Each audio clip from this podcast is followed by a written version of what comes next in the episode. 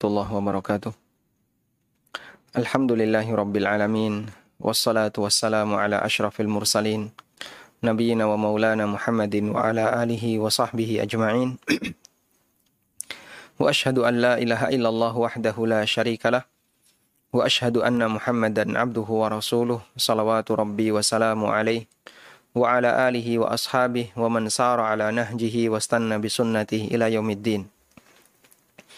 Alhamdulillah, puji syukur kita haturkan kehadirat Allah Azza wa Jal. Dialah zat yang memudahkan kita untuk bisa belajar bersama meskipun melalui daring. Dan ini merupakan kajian yang perdana untuk bedah buku yang berjudul Dosa-dosa yang dianggap biasa. Yang judul aslinya adalah Al-Muharramat Allati Istahana Bihan Nas.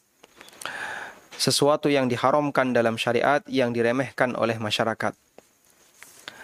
Buku ini ditulis oleh Syekh Muhammad bin Saleh Al-Munajjid hafizahullah taala.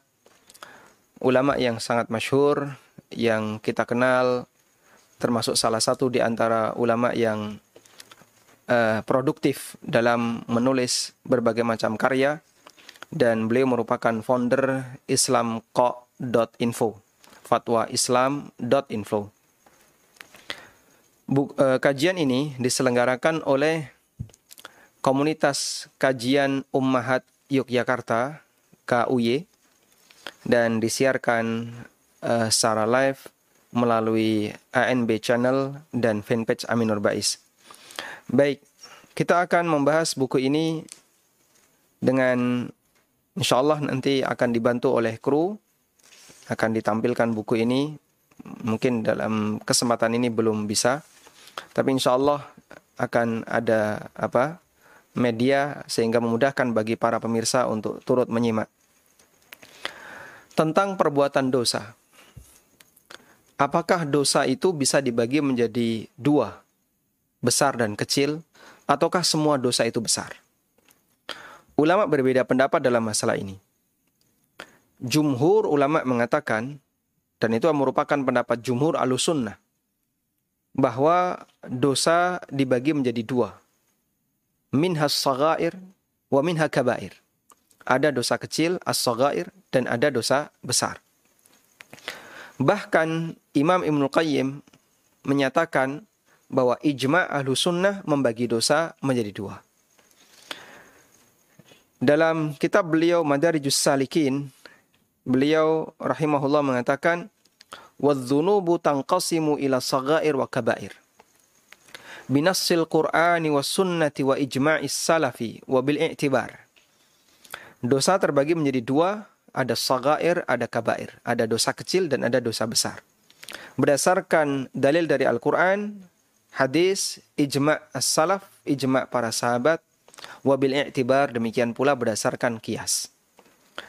Dan di antara dalil yang menunjukkan bahwasanya dosa terbagi menjadi dua, minha sagair wa minha kabair, ada dosa kecil maupun dosa besar.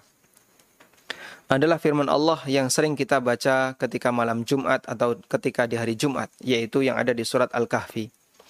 Allah Subhanahu wa taala berfirman, "Wa wudi'al kitab, fatara al-mujrimina mushfiqina mimma fihi, wa yaquluna ya waylatana ma li hadzal kitab la yughadiru saghiratan wala kabiratan illa ahsaha."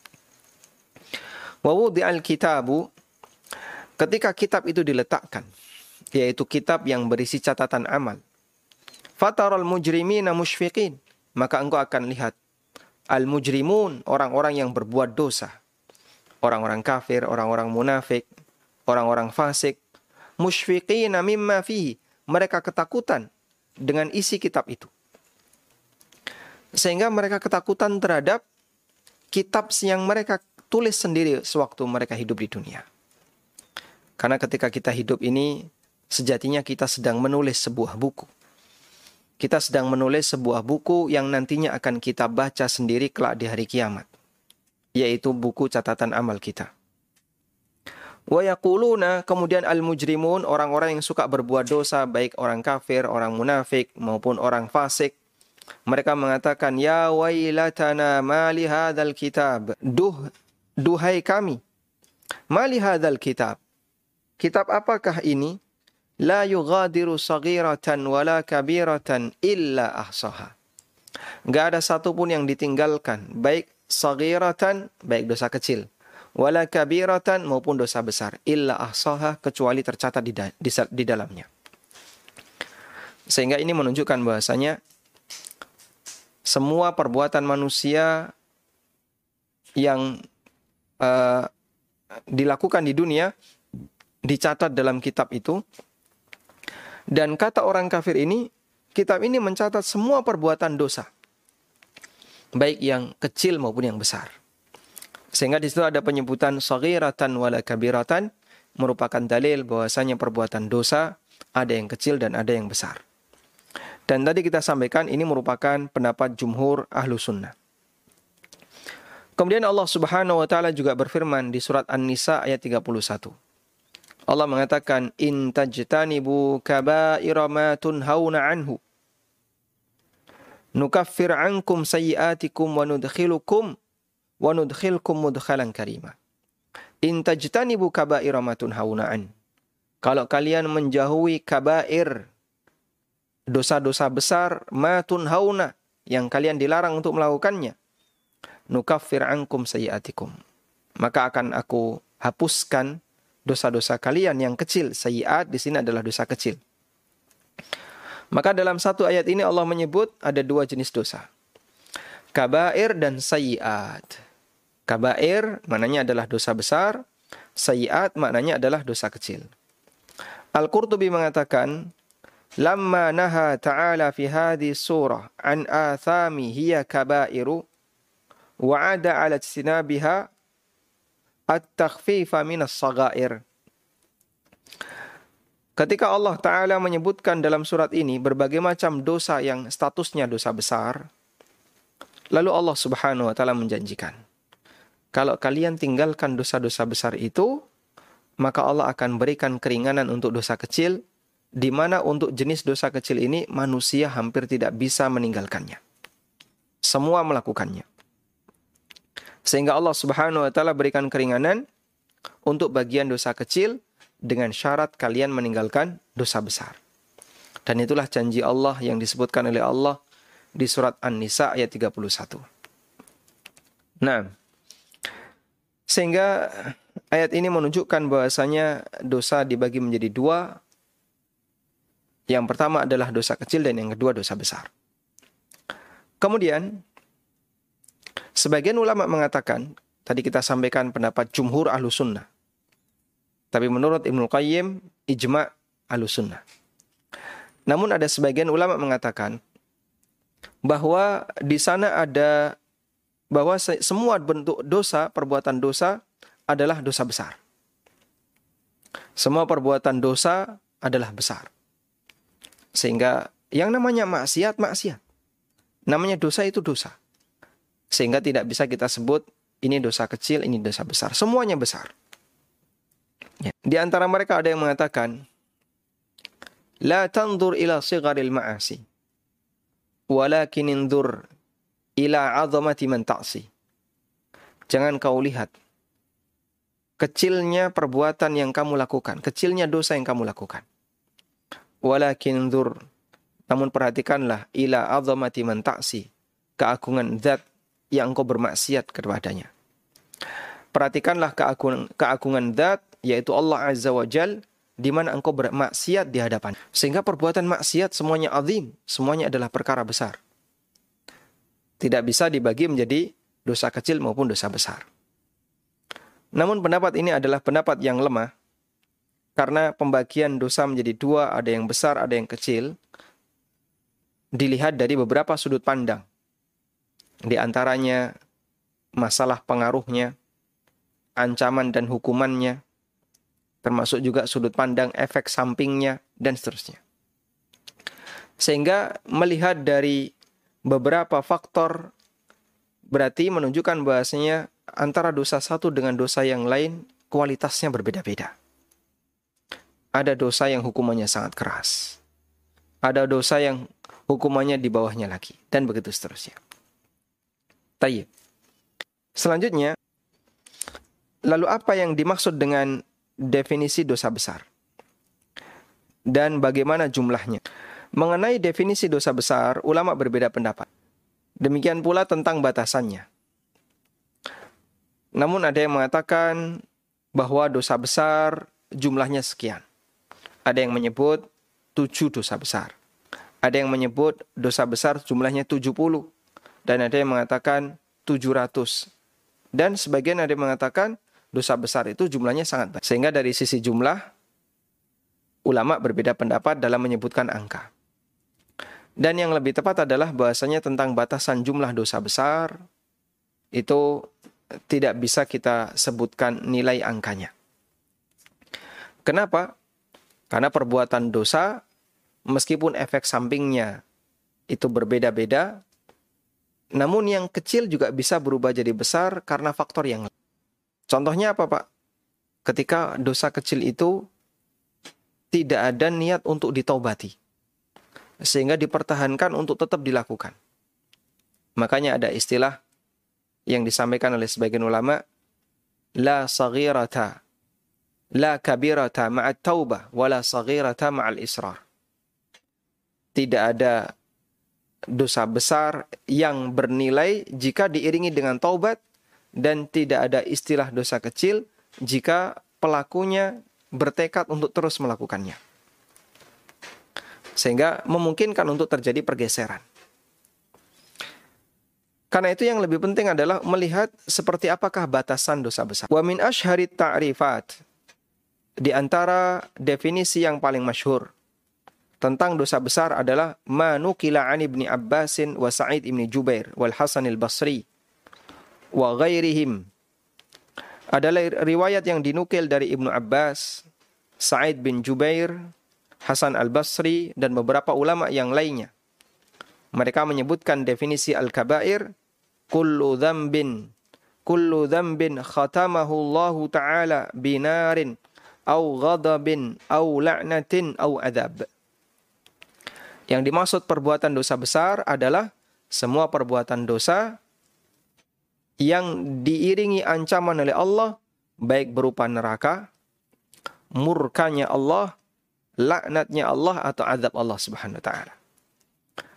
Semua perbuatan dosa yang di situ mendapatkan ancaman dari Allah Subhanahu wa taala baik berupa ancaman neraka, ancaman laknat, ancaman ghadab, murka Allah maupun azab maupun siksa. Ini definisi dosa besar sebagaimana keterangan Ibnu Abbas, Said bin Jubair, Hasan Al-Basri dan beberapa ulama tabi'in yang lainnya. Wallahu taala alam. Dan ada sebagian ulama yang mengumpulkan perbuatan dosa-dosa besar seperti Imam Ad-Dhahabi dalam kitabnya Al-Kabair, kemudian Al-Haythami dalam kitabnya Az-Zawajir dan beberapa ulama yang lain. Dan buku-buku seperti ini penting untuk kita pahami.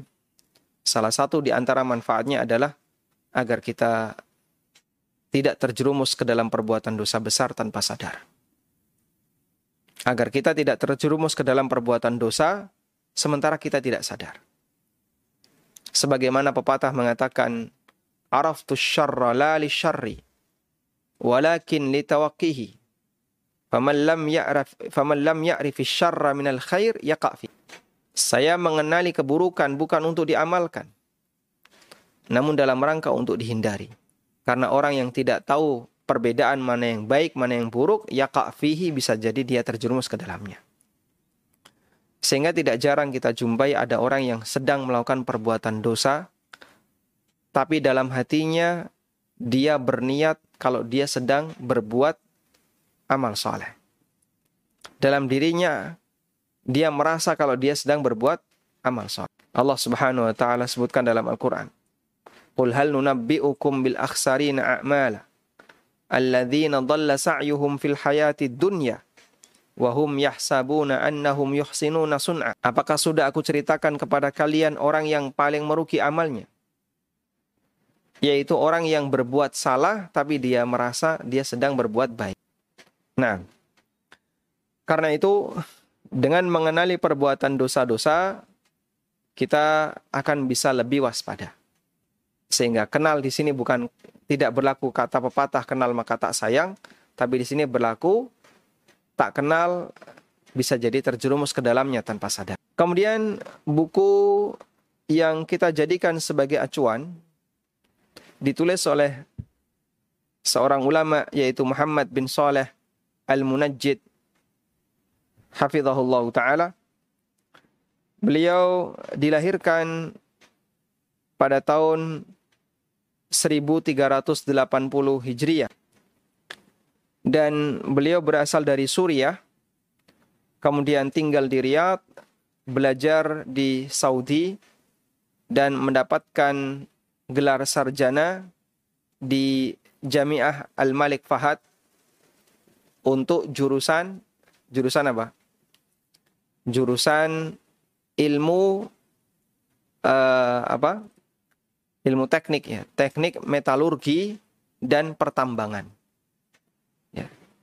Lil bitrul wal ma'adin. Teknik metalurgi dan pertambangan angkatan 79. Tayyib. Namun Masya Allah, meskipun beliau lulusan teknik, tapi beliau termasuk salah satu di antara uh, orang yang menekuni ilmu umum namun punya kemampuan dalam masalah agama dan lebih dominan ilmu agamanya sehingga beliau banyak menyampaikan dakwah Islam kepada umat manusia. Dan kita mengenal beliau dengan Islam Aswal wal Jawab, islamko.info. Salah satu di antara situs yang banyak kami jadikan sebagai referensi ketika menulis beberapa jawaban di web konsultasi syariah.com.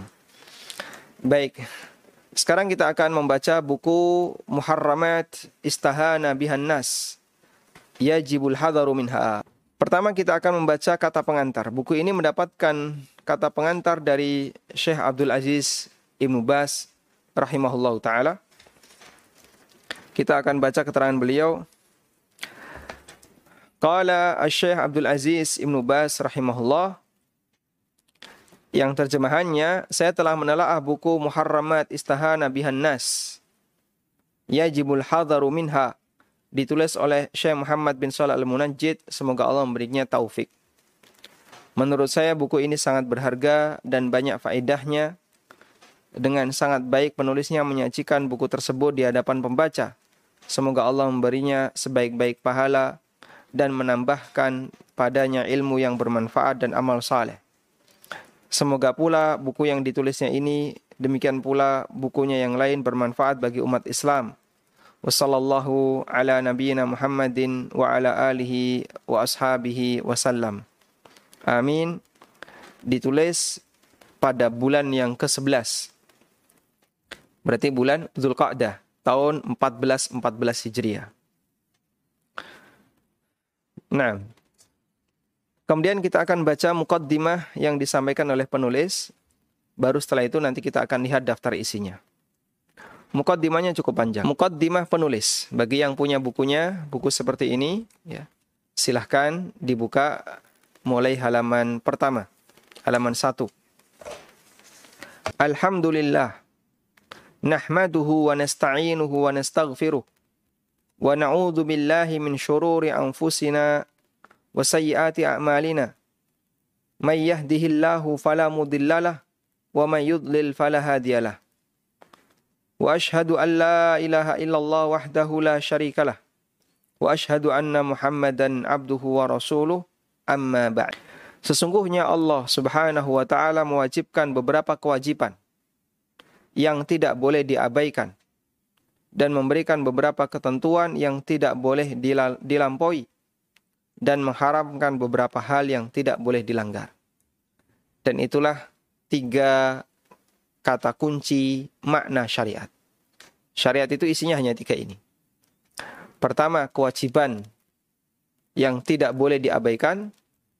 Kedua, larangan yang tidak boleh dilanggar. Yang ketiga adalah batasan dan ketentuan yang tidak boleh dilampaui. Pertama perintah, yang kedua larangan, yang ketiga batasan. Batasan itu contohnya apa? Batasan contohnya misalnya syarat-syarat sholat. Rukun sholat. Bagaimana tata cara ibadah A, ibadah B. Apa saja larangannya di sana dan seterusnya. Nah, itulah yang dimaksud dengan al-hudud. termasuk aturan dalam muamalah bagi waris, cara bagi waris seperti apa, jatahnya berapa saja, itulah al-hudud. Nabi sallallahu alaihi wasallam bersabda, "Ma ahallallahu fi kitabihi huwa halalun, wa ma harrama huwa haramun, wa ma sakata anhu huwa afiyah." Faqbalu minallahil afiyah, fa innallaha lam yakun nasiyah Thumma tala hadhil ayah wa ma kana rabbuka nasiya. Apa yang dihalalkan oleh Allah dalam kitabnya, maka itu halal. Apa yang dia haramkan, maka itu haram. Dan apa yang dia diamkan, artinya tidak ada keterangan dari Allah, fahuwa afiyah, maka itu kelonggaran. Faqabalu minallahil afiyah, karena itu terimalah kelonggaran dari Allah subhanahu wa ta'ala. Fa inna Allah lam yakun nasiyah, karena Allah subhanahu wa ta'ala tidaklah lupa. Allah tidak lupa dengan aturan ini. Oh ini belum diatur, barangkali Allah lupa. Subhanallah dari ucapan seperti ini. Allah tidak lupa. Wa ma kana rabbuka nasiya, Rabbmu tidaklah lupa. Ada di surat Maryam ayat 64. Tayyib. Sehingga dalam masalah halal haram acuannya adalah wahyu Allah Subhanahu wa taala. Manusia tidak boleh ikut campur di sana dan ada sebagian yang di situ tidak di, tidak dijelaskan oleh Allah. Sakata anhu, Allah mendiamkannya dalam arti Allah tidak memberikan penjelasan. Fahuwa afiyatun, maka statusnya adalah afiyah. Kelonggaran dari Allah Subhanahu wa taala. Perkara yang diharamkan adalah ketentuan-ketentuan yang ditetapkan oleh Allah. Allah berfirman, "Tilka hududullah, fala taqrabuha."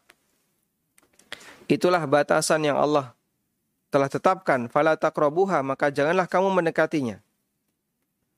Allah mengancam orang yang melampaui ketentuan-ketentuannya dan melanggar apa yang diharamkannya seperti ditegaskan dalam Al-Qur'an di surat An-Nisa ayat 14 wa may ya'sillaha wa rasulah wa yata'adda hududah yudkhilhu naran khalidan fiha walahu siapa yang durhaka kepada Allah dan Rasulnya.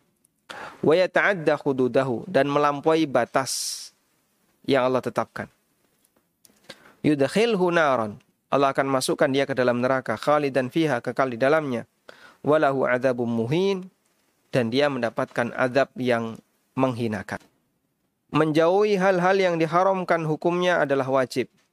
Hal itu berdasarkan sabda Rasulullah sallallahu alaihi wasallam ma nahaitukum anhu fajtanibuhu wa ma amartukum bihi faf'alu minhu mastata'tum. Apa yang aku larang kepada kalian maka jauhilah. Wa ma amartukum bihi dan apa yang aku perintahkan kepada kalian faf'alu minhu mastata'tum. Maka kerjakanlah semampu kalian. Dalam masalah larangan Nabi SAW tidak mengatakan fajtanibuhu mastata'tum. Jauhilah semampu kalian. Tidak ada kalimat seperti itu.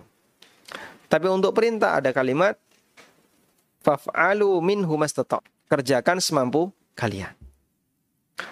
Kenapa dalam larangan tidak ada mastata'tum, tidak ada tidak dikaitkan dengan kemampuan? Karena meninggalkan larangan itu kan sama dengan tidak melakukan apa pun. Jangan lakukan itu, berarti dia diam saja itu sudah tidak melakukan. Jangan lakukan A, lalu dia diam saja. Sehingga dia tidak melakukan A, B, C, D, E, F dia nggak melakukan apa pun. Maka dia sudah dianggap telah menjauhi apa yang dilarang. Sebaliknya, kalau mengerjakan sesuatu dikaitkan dengan kemampuan. Karena mengerjakan sesuatu itu kan berarti mengkaryakan sesuatu. Dan ketika konteksnya mengkaryakan sesuatu, nggak bisa diam, harus ada aktivitas. Harus ada karya. Nah, di saat itulah syariat mengkaitkannya dengan kemampuan. Sering kita saksikan sebagian para penuntut hawa nafsu, orang-orang yang lemah jiwa dan sedikit ilmunya, manakala mendengarkan hal-hal yang diharamkan secara berturut-turut, dia berkeluh kesah sambil berkomentar, semuanya kok haram, tidak ada sesuatu kecuali kamu haramkan. Kamu telah menyuramkan kehidupan kami. Ya, kamu membuat kehidupan kami jadi suram. Kamu membuat gelisah hidup kami, menyempitkan dada kami. Tidak ada yang kamu tidak ada yang kamu miliki selain haram dan haram dan komentar yang semisal. Agama ini mudah, jangan dipersempit. Allah itu maha pengampun dan penyayang. Masya Allah, apa yang beliau sampaikan persis seperti yang sering kita dengar. Ketika ada orang yang diingatkan dengan sesuatu yang haram. Dikit-dikit kok haram, dikit-dikit tidak boleh, dikit-dikit dilarang.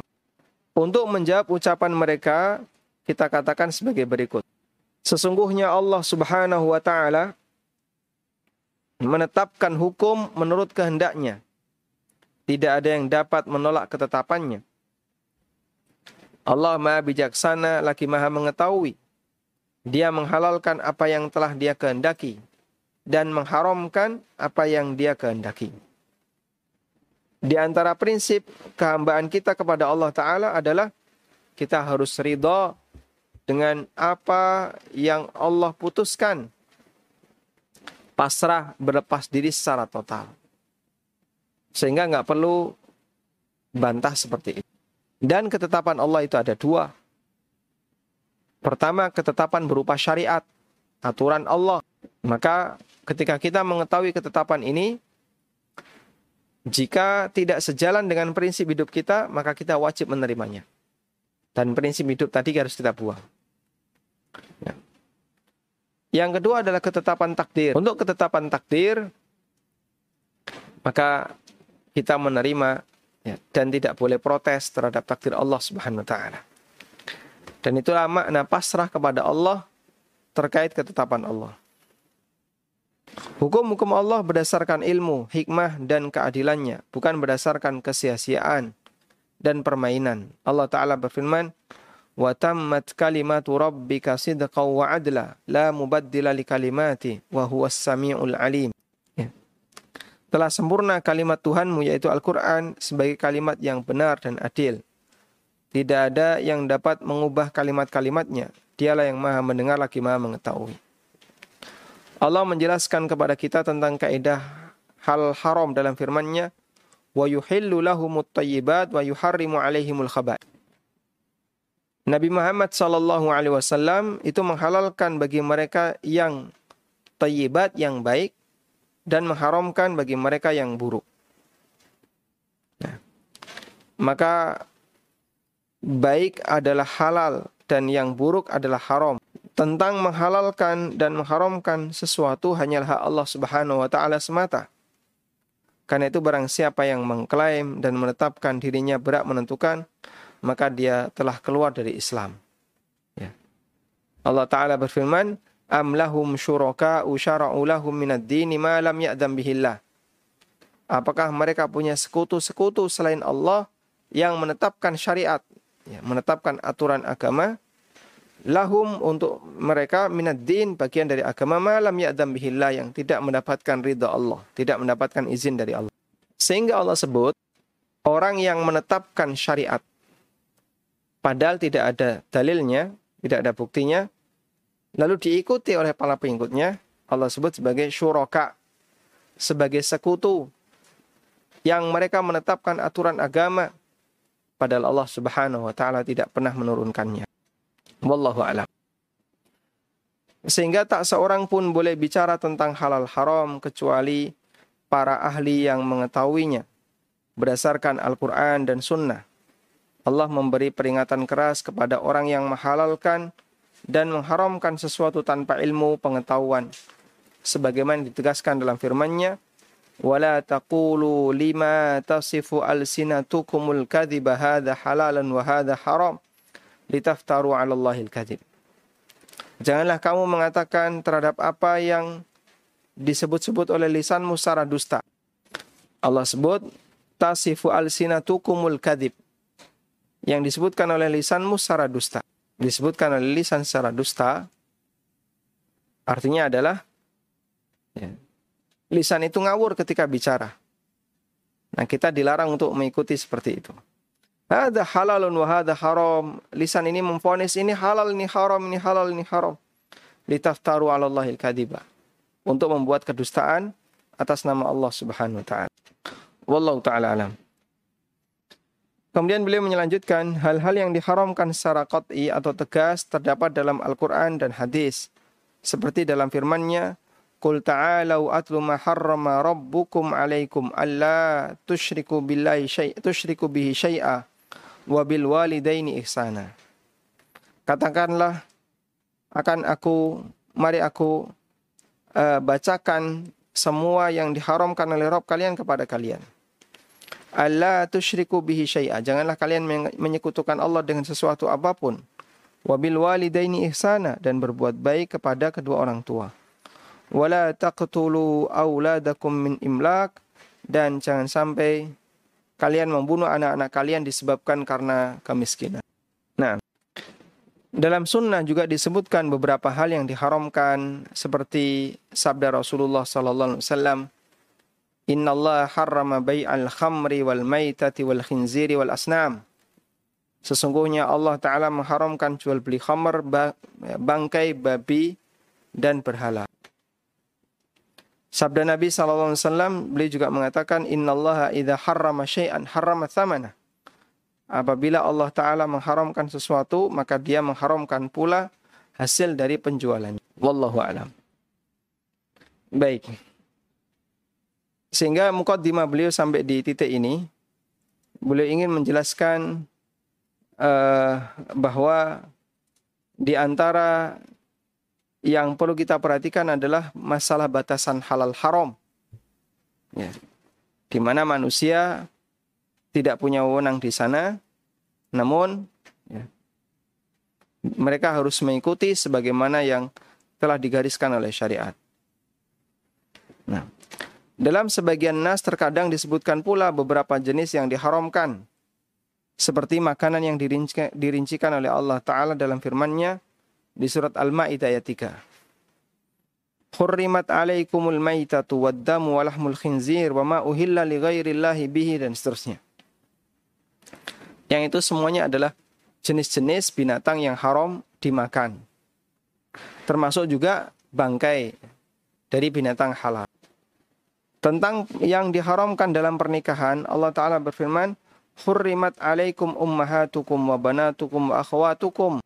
Diharamkan bagi kalian untuk mengawini ibu-ibu kalian. Maksudnya dalam menikah. Dengan ibu, dengan putri, dengan saudari, dengan paman, atau dengan bibik dari ayah, dengan khal berarti bibik dari ibu, wabanatul akhi dan putri dari saudara. Maksudnya adalah keponakan. Sampai akhir ayat. Sehingga di sini Allah menetapkan batasan. Ini nggak boleh kau nikahi, ini nggak boleh kau nikahi. Itulah yang dimaksud dengan hududullah. Dalam hal usaha Allah juga menyebutkan hal-hal yang diharamkan. Misalnya riba Allah haramkan. Wa halallahu al-bai'a wa harrama riba. Kemudian Allah yang maha pengasih terhadap hambanya menghalalkan untuk hal-hal yang baik dan tidak menguntungkan eh, yang tidak terhitung banyaknya dan jenisnya. Oleh sebab itu Allah Ta'ala tidak memberikan rincian hal-hal yang halal dan dibolehkan karena semua itu tidak terhitung banyaknya. Allah menerangkan, menerangkan secara rinci hal yang diharamkan karena dapat dihitung. Sehingga kita mengetahui dan menjauhinya. Allah Ta'ala berfirman, وَقَدْ فَصَّلَ لَكُمْ مَا حَرَّمَ عَلَيْكُمْ إِلَّا مَا تُرِرْتُمْ إِلَيْهِ Sesungguhnya Allah telah menjelaskan kepada kamu apa yang diharamkan oleh Allah atasmu kecuali yang terpaksa bagimu. Nah, baik sampai di sini penjelasan beliau tentang mukaddimah untuk bagian yang haram. Selanjutnya beliau beralih kepada masalah yang halal. Adapun hal-hal yang dihalalkan oleh Allah, maka Allah menerangkan secara global, yakni selama hal itu merupakan sesuatu yang baik. Misalnya Allah berfirman, Ya ayuhan nas, Kulu mimma fil ardi halalan tayyiba. Ya ayuhan nas, wahai sekalian manusia, makanlah mimma fil ardi apa yang ada dari bumi halalan tayyiba dengan halal lagi baik. Sehingga Allah Ta'ala halalkan sesuatu tapi sifatnya global. Karena yang halal lebih banyak dibandingkan yang haram. Nah, termasuk di antara rahmat Allah bahwa dia menjadikan dasar segala sesuatu yang adalah halal. sampai terdapat dalil yang mengharamkannya. Hal ini menunjukkan bahwa Allah Ta'ala maha pengasih dan maha luas rahmatnya atas genap hambanya. Oleh sebab itu kita wajib taat, memuji dan bersyukur kepada Wallahu ta'ala. Baik. Mukaddimah yang beliau sampaikan cukup panjang dan nampaknya tidak bisa kita selesaikan di malam hari ini. Insya Allah akan kita sambung di pertemuan berikutnya. Masih di bagian mukaddimah, lalu nanti beralih ke dosa pertama yang diremehkan, yang disebutkan oleh penulis. Dan di sini beliau menyebutkan ada 64 ada 64 dosa yang menurut beliau diremehkan oleh umat manusia. Wallahu taala alam. Ala nabiyyina Muhammadin wa ala alihi wa sahbihi wa sallam. Wa akhiru da'wana alhamdulillahi rabbil alamin. Ada yang mau disampaikan? Pertanyaan. Waalaikumsalam warahmatullahi Dosa apa yang paling besar selain syirik dan sihir? Syirik dan sihir yang disebutkan. Ada banyak dosa yang lebih besar dibandingkan syirik. Misalnya dosa kemunafikan. Makanya Allah Subhanahu wa taala menaruh hukuman bagi orang munafik, innal munafiqina fid darkil asfar. Munafik itu berada di tingkatan yang paling dasar dari neraka. Sehingga ada sebagian yang mengatakan ini lebih besar dibandingkan kufur biasa. Karena masalah efek sampingnya yang merusak kaum muslimin. Wallahu a'lam. Baik, itu yang bisa kita sampaikan. Semoga bermanfaat. Wassallallahu ala nabiyyina Muhammadin wa ala alihi wa sahbihi wa sallam. Wa akhiru da'wana alhamdulillahi rabbil alamin. Subhanakallahumma wa bihamdika asyhadu an la ilaha illa anta astaghfiruka wa atubu ilaik. Wassalamualaikum warahmatullahi wabarakatuh.